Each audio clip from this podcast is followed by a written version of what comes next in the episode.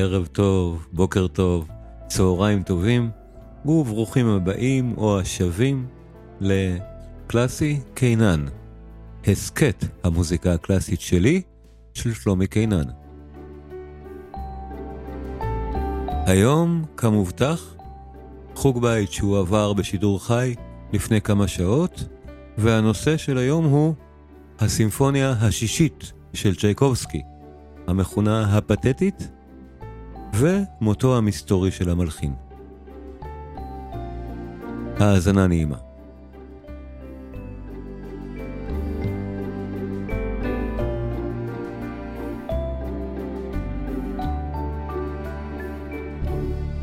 אנחנו ממשיכים את צ'ייקובסקי, זה המפגש השלישי עליו או השני, אני כבר איבדתי ספירה, בעיקר בגלל שעבר המון זמן וכל מיני משברים מאז של כולם בבית. אבל מבחינתי זה מפגש שהוא נכון, כי חלקכם ראיתם את הערב שעשיתי ביום, לפני ארבעה ימים, ביום שלישי, אה, אודות תיאוריות קונספירציה במוזיקה, וצ'ייקובסקי, ודאי שהסיפור, לפחות סיפור מותו של צ'ייקובסקי, הוא בהחלט יכול להיות מוגדר כתיאוריית קונספירציה שנחשפה, שאנחנו כבר יודעים מה קרה שם. אז הסיפור הוא גם טיפה מותח, זאת אומרת, אנחנו שומעים היום את הסימפוניה השישית של צ'ייקובסקי, את, שמכונה הפתטית. הכינוי פתטית אגב, היה בזמן שלמילה לא היו אינדואנדוז שליליים. פתטי משמעו פשוט מאוד עצוב, לא אדם פתטי. אז כן, היצירה היא טרגית, היא מאוד מאוד עצובה, זה נכון, והעצבות שיש בפתטית באה בפירוש מנסיבות חייו של צ'ייקובסקי. הוא נפטר, לפחות כך חשבנו, עד התפרקות ברית המועצות, אה, הוא שתה מים מזוהמים בסנט פטרסבורג, שהייתה כנראה מגפת חולרה שם, קולרה נקראת המחלה, ונפטר.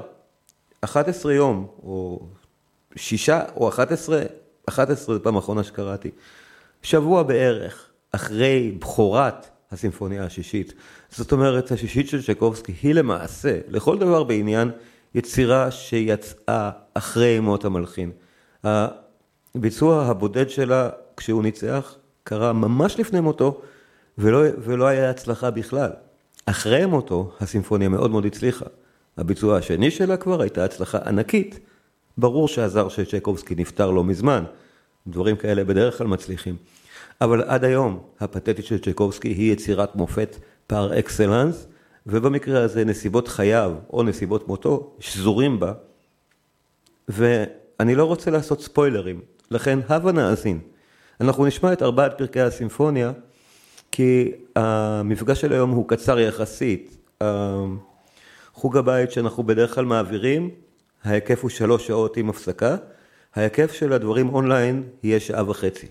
אז לכן יש לי זמן ליצירה בודדת, האזנה וניתוח.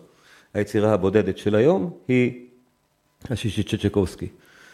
אז בואו נתחיל, נאזין לפרק הראשון שלה, ושימו לב, אני גם אראה לכם עכשיו, כי אפשר כשאני מהבית, מה אני בדיוק עתיד לעשות.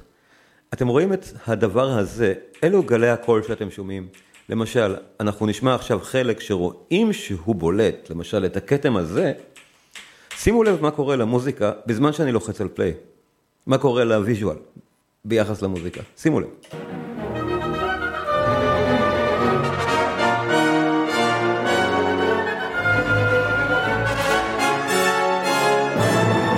אנחנו ממש רואים את המוזיקה נעה מולנו. זה יאפשר לי לסמן פשוט עניינים בתוך המוזיקה. אני אלחץ על כל מיני כפתורים על מנת שייתנו לנו מין קו כזה, ואז כולם יוכלו לראות את המקומות שסימנתי. אני אסמן פשוט נושאים, מוטיביים, בתוך הפרק. אחר כך נוכל לנתח אותם אם נרצה.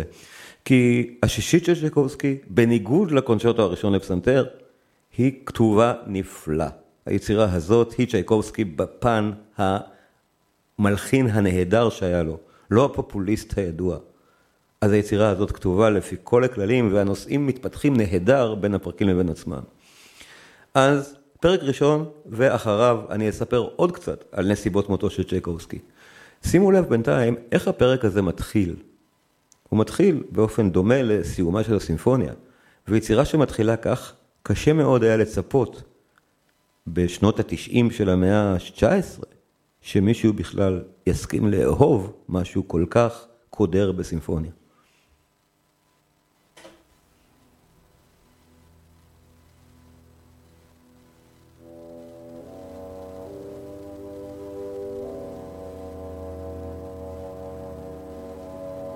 אני לא אפריע, אני אכבה גם את דיוקני. בואו רק נאזין לצ'קובסקי, ואני אסיים בנקודות על המסך.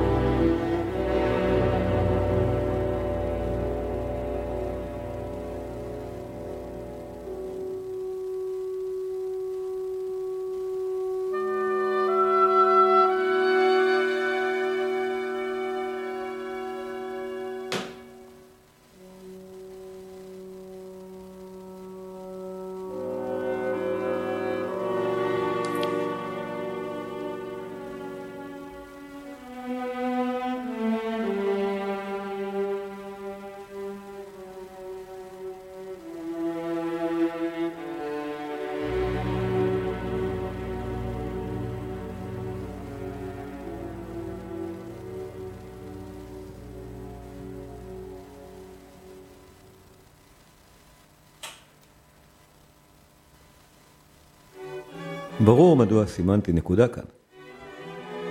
התחיל נושא ראשון.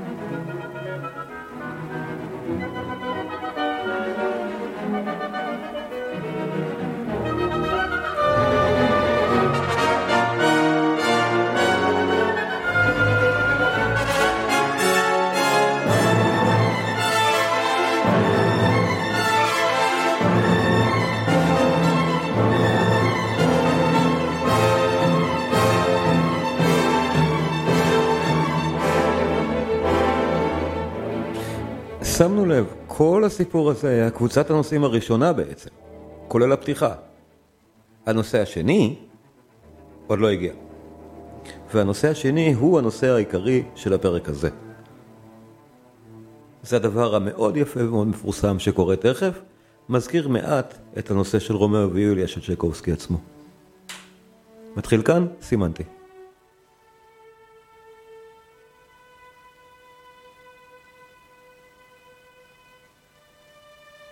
טיפה אחרי, תלוי במנצח כמה הוא לוקח את זה, אבל זה הדבר הזה.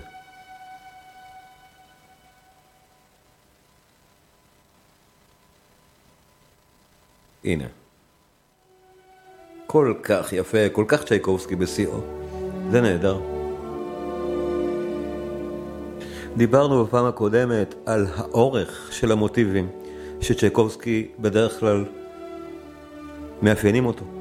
הם נורא ארוכים וקשים לפיתוח. זה מהנושאים האלה, אבל צ'ייקובסקי משכיל להשתמש בו כאן כנושא שני שלא מחייב פיתוח ועדיין מפתח אותו.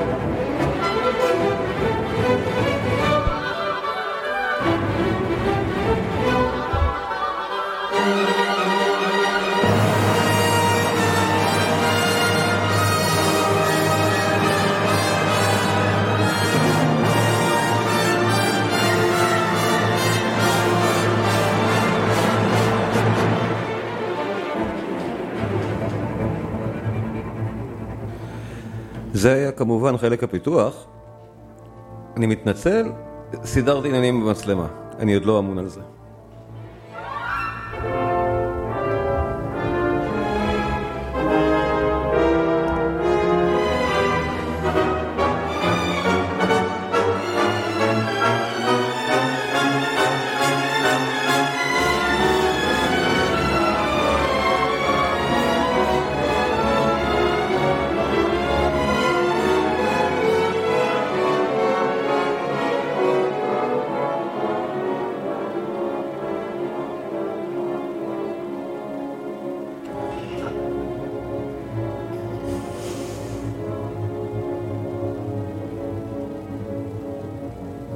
שכבר אמון על המסורת הרוסית הזאת, מלפני כמה סדנאות אני מדבר עליה, ברור לו גם איך הפרק ייגמר, גם אם לא היה מכיר אותו. באותו נושא נפלא שהוא הנושא השני. זה אמור להיות ברור.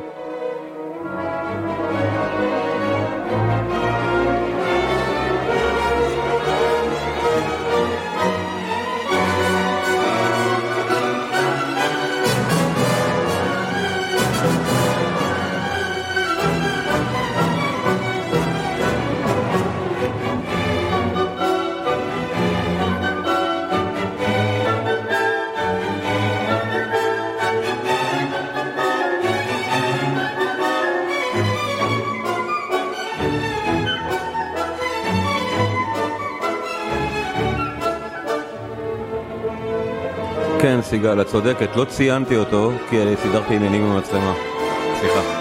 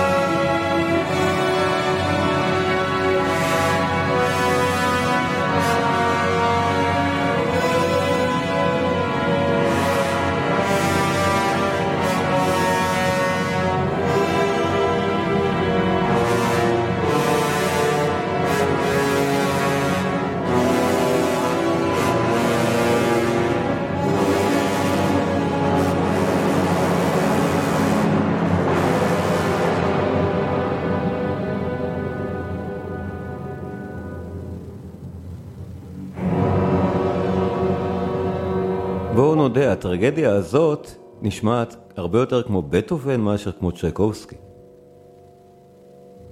אם היא מוצאת מהקשרה, וזו חלק מהנקודה. מה יבוא עכשיו? ברור שזה. איפה היית עד עכשיו?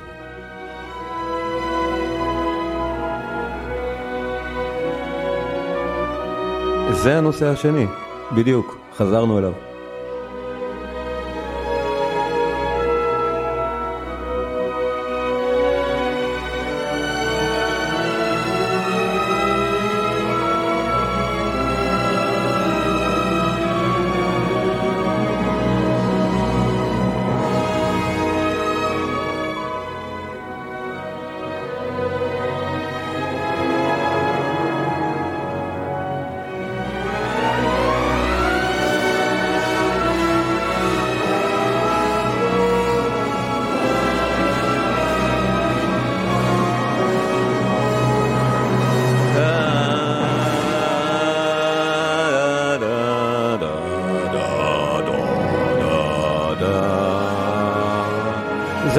כל כך יפה. שיט, צ'ייקובסקי.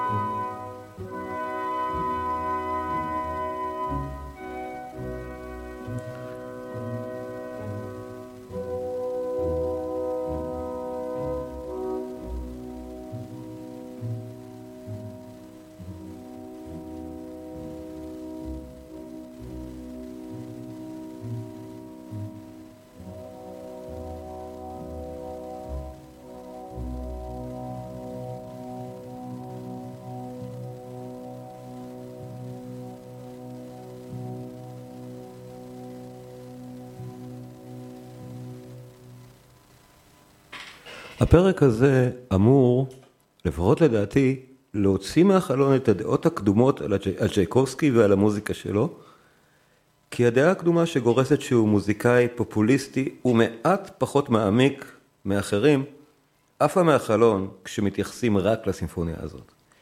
אבל לא רק לסימפוניה הזאת, גם הרביעית והחמישית שלו, הן בהחלט יצירות מופת פר אקסלנס. גם שלוש הסימפוניות הראשונות של צ'ייקובסקי הן מצוינות גם אם אינן יצירות מופת. זה לא הבלטים, זה לא אגם הברבורים, וזה לא מפצח אגוזים, וצ'ייקובסקי יודע עם זה. אבל זה גם לא הקונצ'רטו הראשון לפסנתר, זו חיה אחרת. והסימפוניה השישית היא מכתב ההתאבדות של מלחין מהגדולים בהיסטוריה. מההתחלה חייבים להבין אותה כך, ולכן הדיכאון הקיומי שמתחיל וסוגר את הפרק. אבל מדוע זה מכתב התאבדות ואת הנסיבות אני משאיר לעוד מעט אחר כך, בינתיים ניתוח מוטיבי קצר. ראשית אני מתנצל שלא ציינתי את הנושא השלישי, אני סידרתי עניינים עם המצלמה, קיביתי אותה, הדלקתי אותה, אני עוד לא אמון על הפורמט, לקח סליחה, אבל את השניים הראשונים בכל זאת פגעתי איכשהו. הנושא הראשון ישמש אותנו אחר כך שוב, אבל בואו נזכור, הנושא הראשון זה הנושא שמתפתח ב-Development Section. הנושא השני הוא הנושא שלא מתפתח. זה הנושא עם האופי הרוסי הזה, עליו דיברנו בסדנה הקודמת ואחת לפניה. מאוד מזכיר למשל את הנושא של צ'ייקובסקי בעצמו מרומאו ויוליה, ויכול להיות שהוא עושה את זה כאן בכוונה, כי כאן הוא בעצם נפרד מכל אוהביו, או כל מי שאוהב את המוזיקה שלו, הוא יודע שהוא עתיד להתאבד תכף. אז כן, הוא נפרד פה. אז בואו נשמע רגע את הנושא השני, הבאמת יפה הזה. Back to back נניח עם רומאו ויוליה.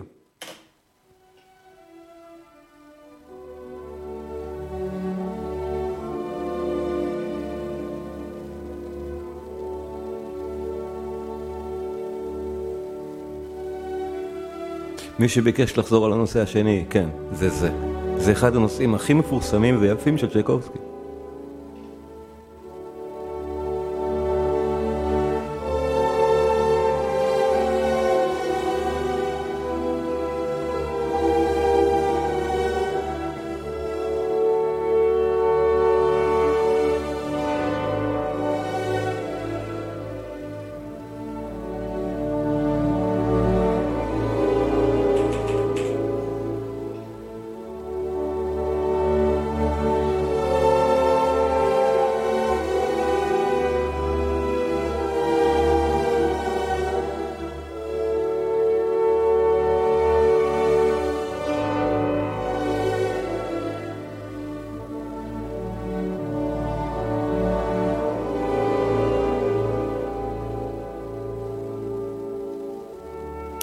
ובואו נשמע את רומאו ויוליה, רק היצירה הראשונה, שהיא הפריצה של צ'ייקובסקי עצמו, וכנראה בגלל זה הוא בסנטימנט העצמי שלו לפני מותו, עושה משהו נורא דומה, כי הוא נזכר בזה.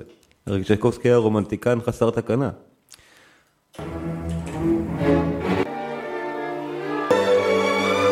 כאן. רומאו ויוליה, תקשיבו כמה זה דומה.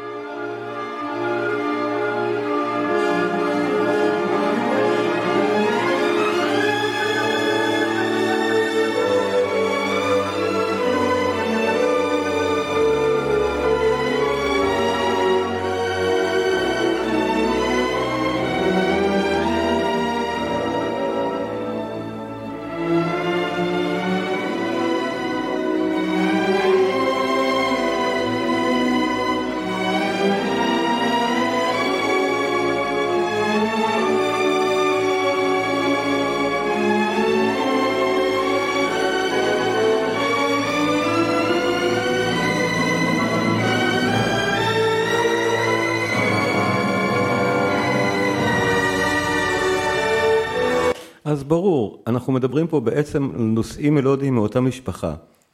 כל כך דומים, שכשמכירים את הביוגרפיה של צ'ייקובסקי, ברור שיש לנו משמעות לזה שהנושאים דומים אחד לשני, כי ככה בדיוק הם אומרים משהו. אז בואו נשמע שוב את אותו נושא שהיה קודם, ותראו כמה הוא דומה.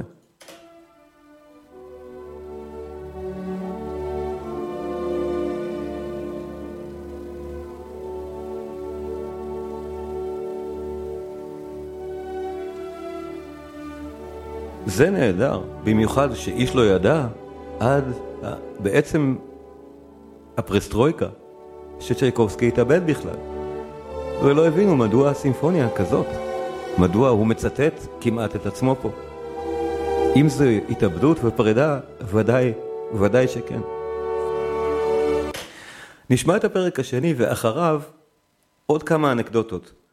עד סוף הפרק הרביעי, שהוא בעצם השיא של הדבר הזה, והרגע הכי עצוב, הפאזל יהיה מושלם לכל המאזינים שלי. הארק שלי היום הוא באמת מקיף את כל הסימפוניה. אז מה שאמרתי עכשיו היה המעבר בין הפרקים הראשון לשני. עוד דבר אחד קטן שאפשר להגיד על הפרק הראשון, וזה שבנוגע באמת לעניינים המוטיביים בו. אמ, הנושא הראשון של הפרק הוא נושא נפלא לפיתוח. עכשיו, דיברנו בפעם הקודמת על איך צ'קובסקי, רגע מה, למה הוא לא פותח לי את זה? הנה. בפעם הקודמת דיברנו איך צ'קובסקי לא כותב נכון בקונצ'רטו הראשון לפסנתר, ודאי בפרק הראשון שלו, אבל באותו אופן, הפרק האחרון של אותו קונצ'רטו כתוב באמת לפי כל הכללים. אז כאן צ'ייקובסקי כותב לפי כל הכללים כי הוא אכן יודע, בקונצ'רטו לפסנתר הוא עשה את זה כנראה בכוונה ודווקא. כאן הוא עושה את זה לגמרי נכון, ואז הוא מבין שהנושא היפהפה הזה לא מתאים בכלל לפיתוח. אז הוא חוזר אליו באקספוזיציה וברקפיטולציה בסוף, ולא נוגע בו באמצע. הנושא שהוא נוגע בו כן באמצע כל הזמן, זה הנושא הראשון, היחסית קצרצר מלודית ובטובני במהות. אם אנחנו זוכרים, בטהובן טה-גה-גה-קה, טה-גה-גה-קה, אלה הנושאים שאפשר לפתח. אז הנושא הראשון של צ'ייקובסקי כאן, דומה להם.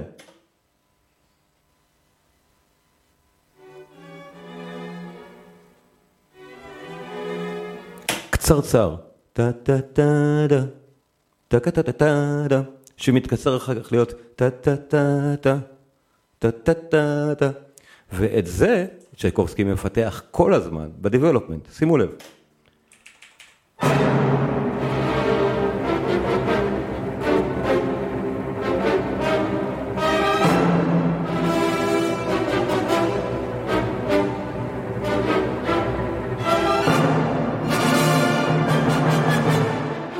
ברור. זה הנושא שמתפתח כל הזמן, לא הנושא השני. הדבר המלודי הקצרצרון הזה, ובואו נשמע את הרגע המדהים הזה. זה לגמרי בטהובן על סטרואידים.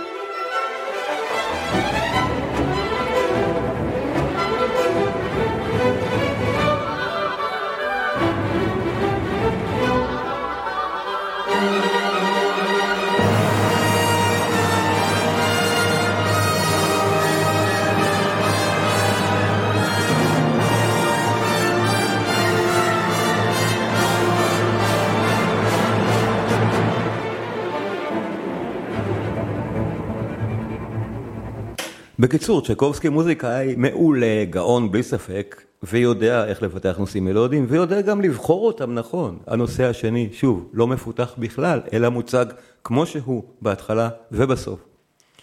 הלאה, פרק שני. בואו נשמע אותו. כל ארבעת פרקי הסימפוניה הזאת הם חבל על הזמן.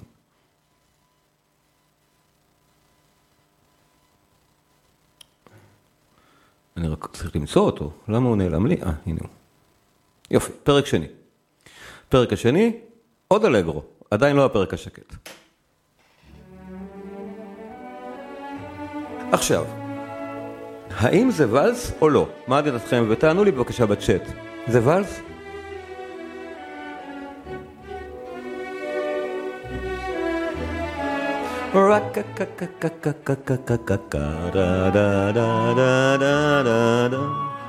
זה נשמע, מרגיש כמו ואלס.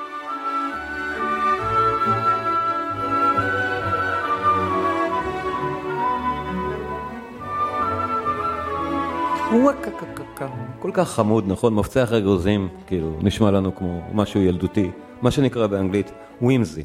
אבל מאחר ואתם לא עונים לי השאלה הרטורית האם זה ואלס, אני אענה, לא, זה לא, זה רק נשמע כמו ואלס. אי אפשר לרקוד את זה.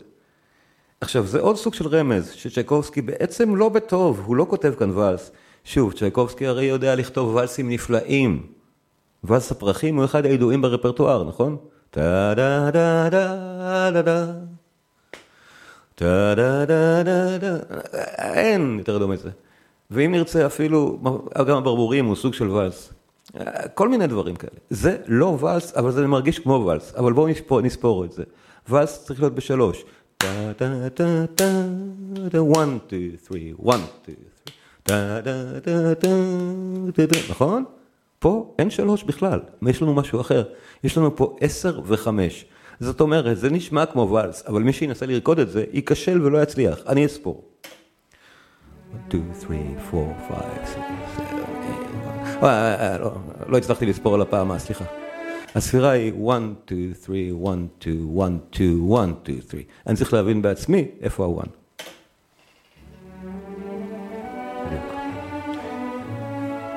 One, two, three, one, two, one, two, one, two, three, one, two, three, four, five, one, two, three, four, five, one, two, three, four, five, one, two, three, four, five, six, וואו, וואו, זה נורא מבלבל, אי אפשר לספור את זה. עשר וחמש. עכשיו נאזין, אני לא אפריע, אבל תנסו, תנסו.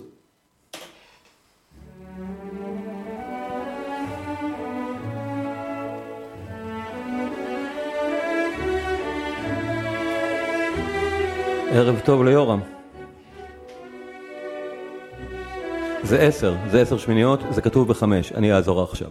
1, 2, 3, 1, 2, 1, 2, 1, 2, 3. 1, 2, 3, 1, 2, 1, 2, 1, 2, 3.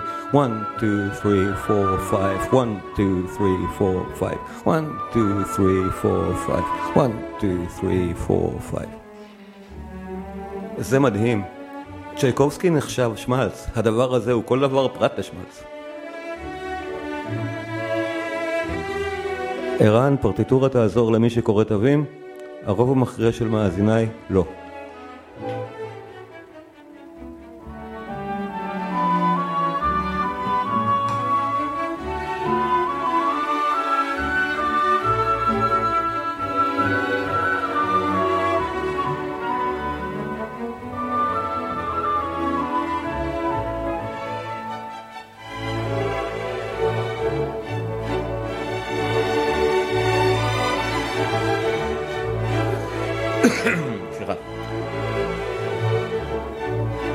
מנסה לנוע עם המוזיקה, וה-10-5 הזה נורא קשה. באמת קשה. קשה לזוז עם זה.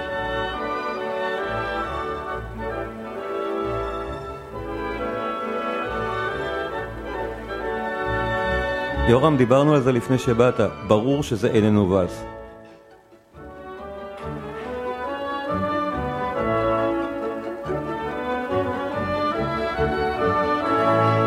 חמישה רבעים או עשר שמיניות, כן.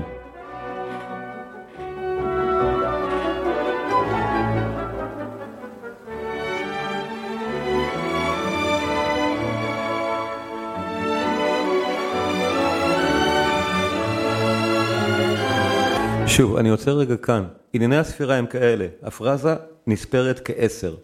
זאת אומרת, חמש כפול שתיים בפיגורציה, שלוש, שתיים, שתיים, שלוש.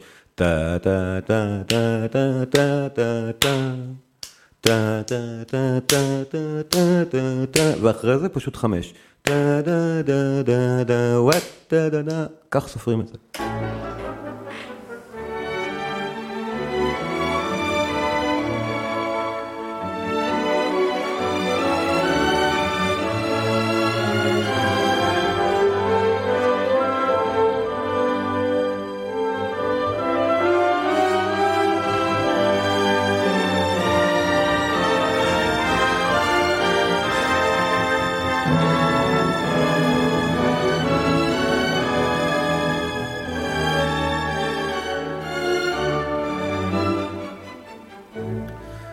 שרשום חמש בפרטיטורה.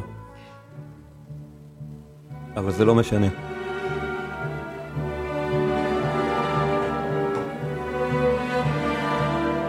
one, two, one, two, three, one, two, one. עדיין אנחנו בחמש, נכון?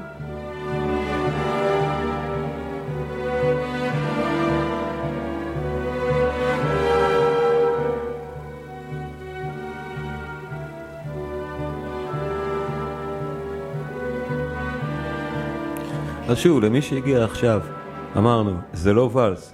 הדבר נעשה בכוונה כדי לצלצל כמו ואלס שאיש לא יכול לרקוד.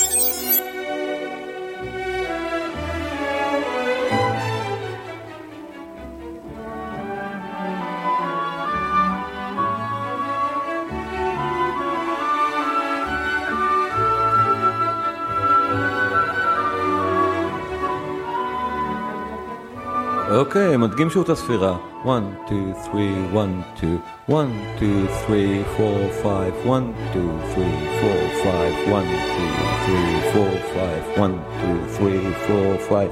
שיהיה אותו מחלוקת פנימית, אדגים שוב.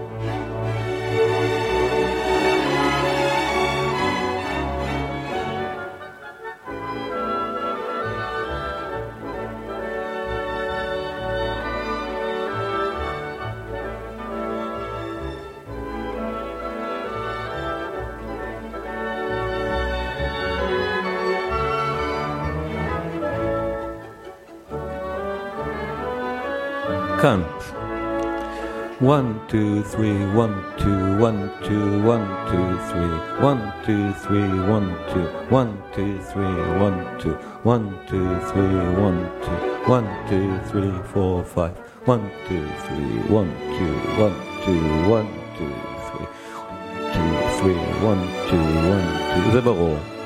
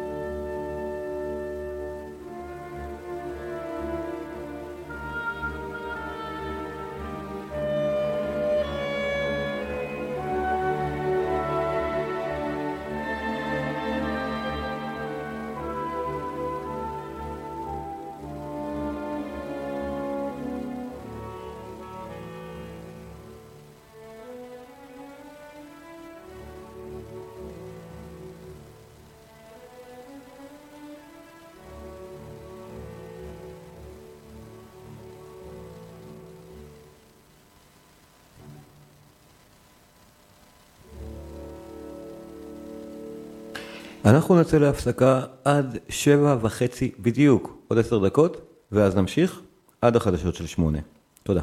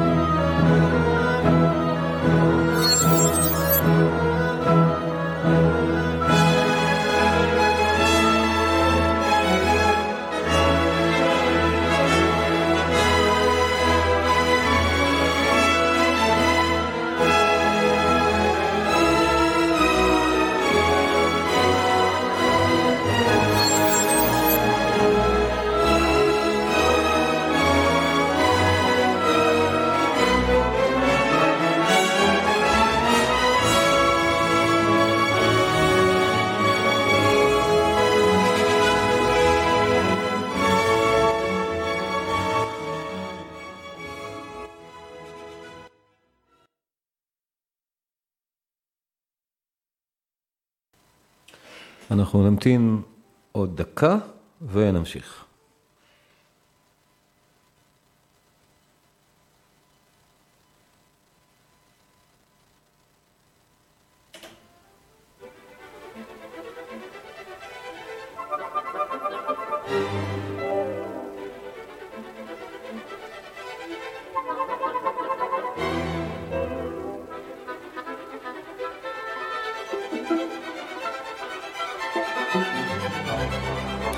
אוקיי, בואו נמשיך, פרק שלישי, אבל לפניו עוד טיפונת רקע. הדוקנאות של צ'קובסקי שאני מראה כאן, יכול להיות שמסבירים את העניין. אני באמת לא בטוח. האם רואים על מישהו את נטייתו המינית או לא? זו שאלה לא רעה, ודאי שלקהל של פסיכולוגים. כן, אז צ'קובסקי אכן היה גיי. אה, בתקופה שבה זה היה לא לעניין, ובמקום שבו זה כנראה לא לעניין עד היום. את הסימפוניה הפתטית הוא כתב בדיוק בזמן, או בעקבות, זה שהעניין התגלה. לא ידעו על זה, לכן הקונספירציה. הליין הרשמי של המאה ה-19 היה שצ'קובסקי שתה מים מורעלים או מים מזוהמים בסנט פטרסבורג. הליין הרשמי אחר כך של הרג'ים הקומוניסטי היה זהה, והם פשוט הסתירו בגנזכים את כל ההתכתבויות של צ'קובסקי שאומרות משהו אחר לגמרי. אז עד שנות ה-90 כולנו חשבנו שהוא נפטר בגלל שהוא לקה בקולרה משתיית מים מזוהמים בסנט פטרסבורג. ולכן הפתטית היא לא ברורה. מדוע הסימפוניה הזאת כל כך מוזרה, דיכאונית או כבדה? שוב, כבדה, תיזכרו בפרק הראשון, ברגעים הקודרים שלו. עוד מעט נשמע את הפינאלה ונבין אפילו יותר טוב. בינתיים, הפרק השלישי, שוודאי שקודר הוא לא, אבל צ'ייקובסקי עושה כאן שוב מעשה בטהובן. הוא מרביץ לגורל בחזרה, או מנסה לפחות. אז בואו נשמע את הפרק הזה, גם מאוד מאוד מפורסם. הפרק השלישי של השישית הוא אחד מלהיטי צ'רקובסקי פר אקסלנס. אני רק מבקש לשים לב, הנושא הראשי המאוד מפורסם שלו, טה טה טה טה טה טה טה טה טה טה טה טה לוקח הרבה זמן להגיע לשיאו. הוא מתחיל ברמיזות עליו, ולזה אני מבקש שתשימו לב בזמן ההאזנה.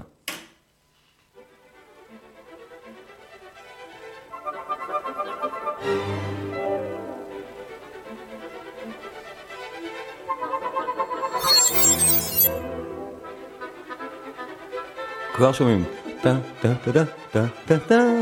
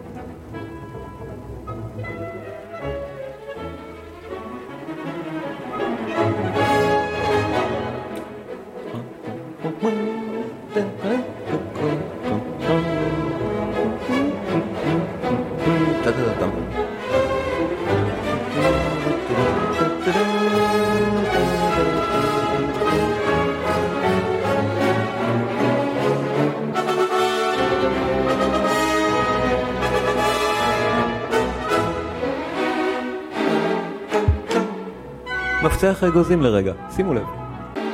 קטע נורא יפה כאן, הוא חוזר לכמה שניות בתשובות לאווירות של הבלטים שלו. כאן. וזה קורה עוד המון פעמים. 咻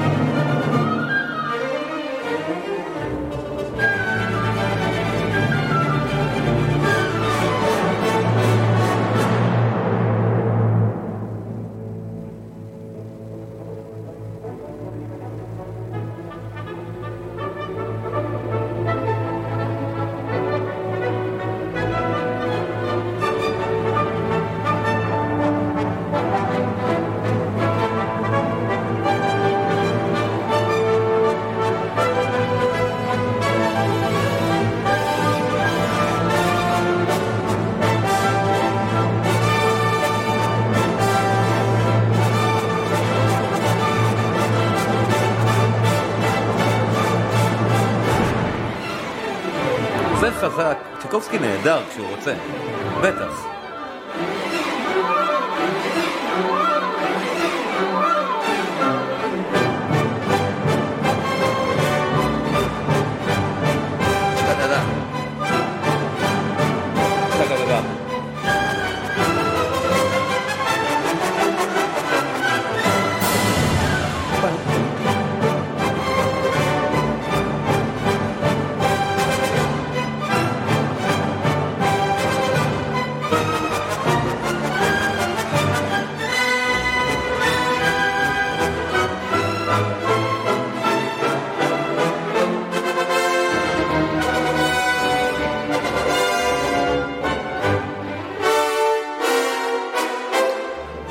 מפתח אגוזים. ביי.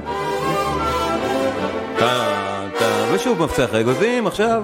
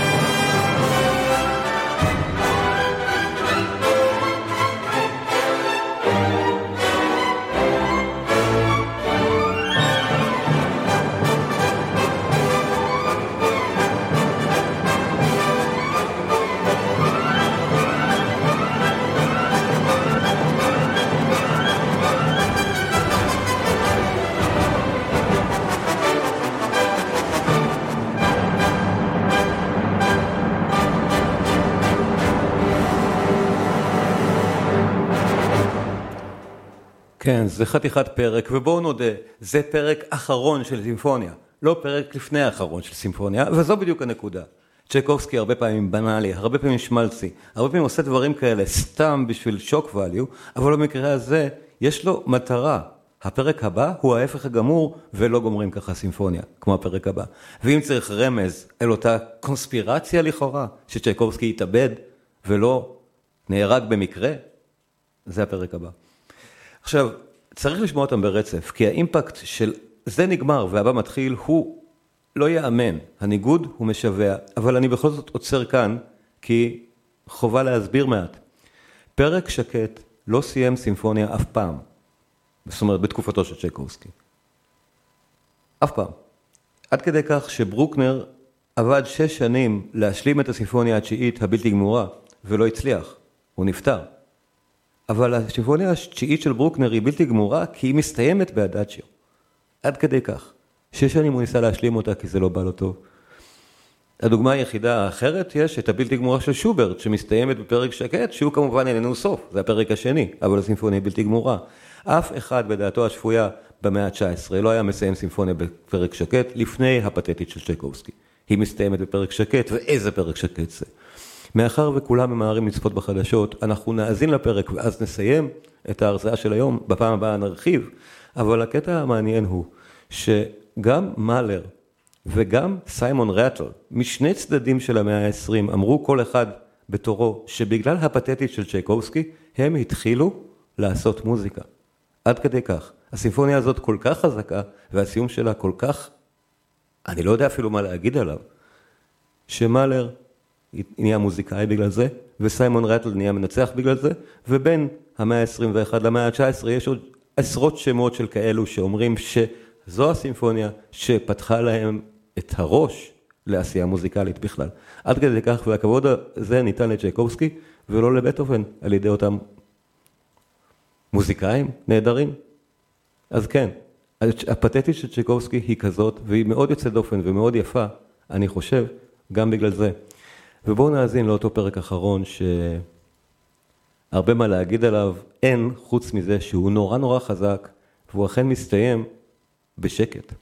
עכשיו, הדבר הנוסף שרציתי להיכנס אליו מקוצר זמן, לא נוכל לשמוע אותו, אבל תאמינו לי שזה שם, זה שהוא מתחיל באופן מאוד מאוד דומה לפרק הראשון, ומצטט מתוכו מוטיבים. צ'קובסקי בונה כאן משהו מעגלי, באמת סייקלי, שבסימפוניה לא חייב להיות. אנחנו מכירים סימפוניקאים יותר מאוחרים, כמו מאלר שעושה את זה תמיד, אבל בתקופה של צ'קובסקי זה עדיין מאוד חריג, והוא בדרך כלל לא עושה זאת. כאן הוא כן, הוא פתח את הסימפוניה באווירה קודרת, הוא מסיים אותה באותו סוג של אווירה קודרת, עם ציטוטים מהפרק הראשון, ובואו נאזין לפרק הזה, אני לא יכול להפריע עליו בדיבור, פשוט לא, זה לא יעבוד. בואו פשוט נשמע אותו.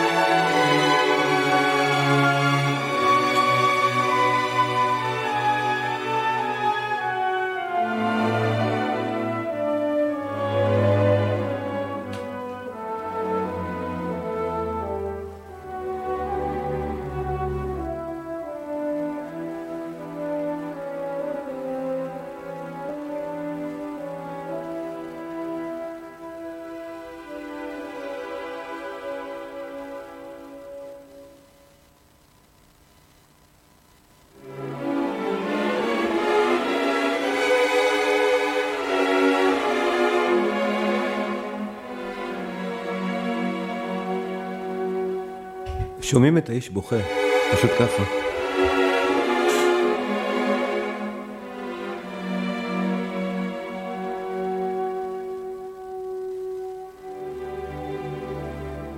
הוא לא מסתיים, הוא מתחיל במוטיב שדומה לראשון.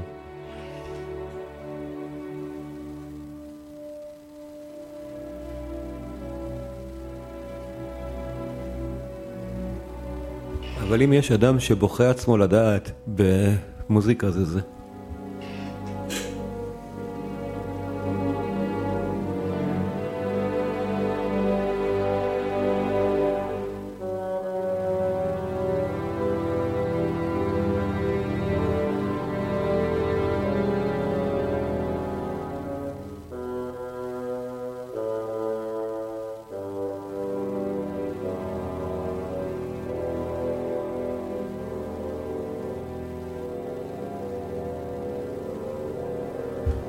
אוקיי, אז אגיד, אנחנו זוכרים את הפרק הראשון? טה דה דה דה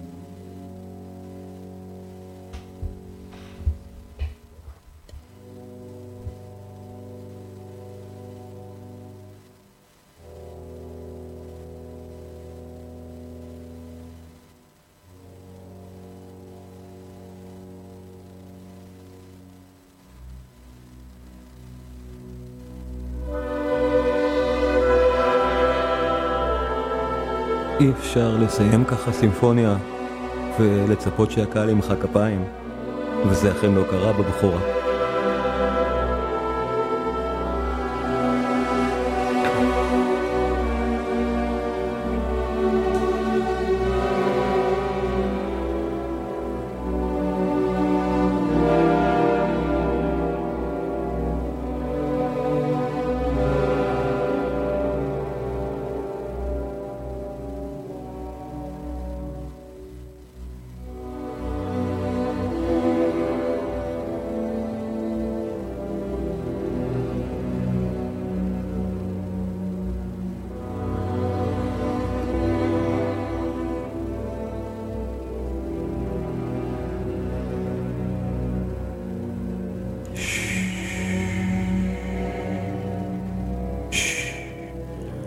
אל החידלון.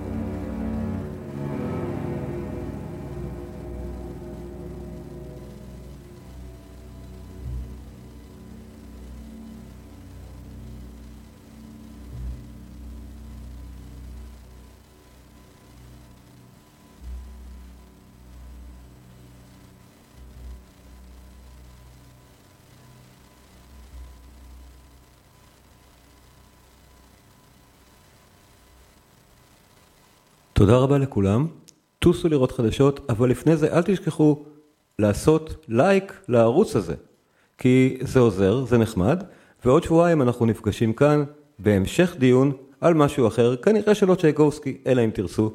יאללה ביי, אבל אני אסיים במוזיקה קצת יותר נחמדה שלו, הוא בכל זאת, הדיכאון הזה לא טוב. ביי ביי, see ya.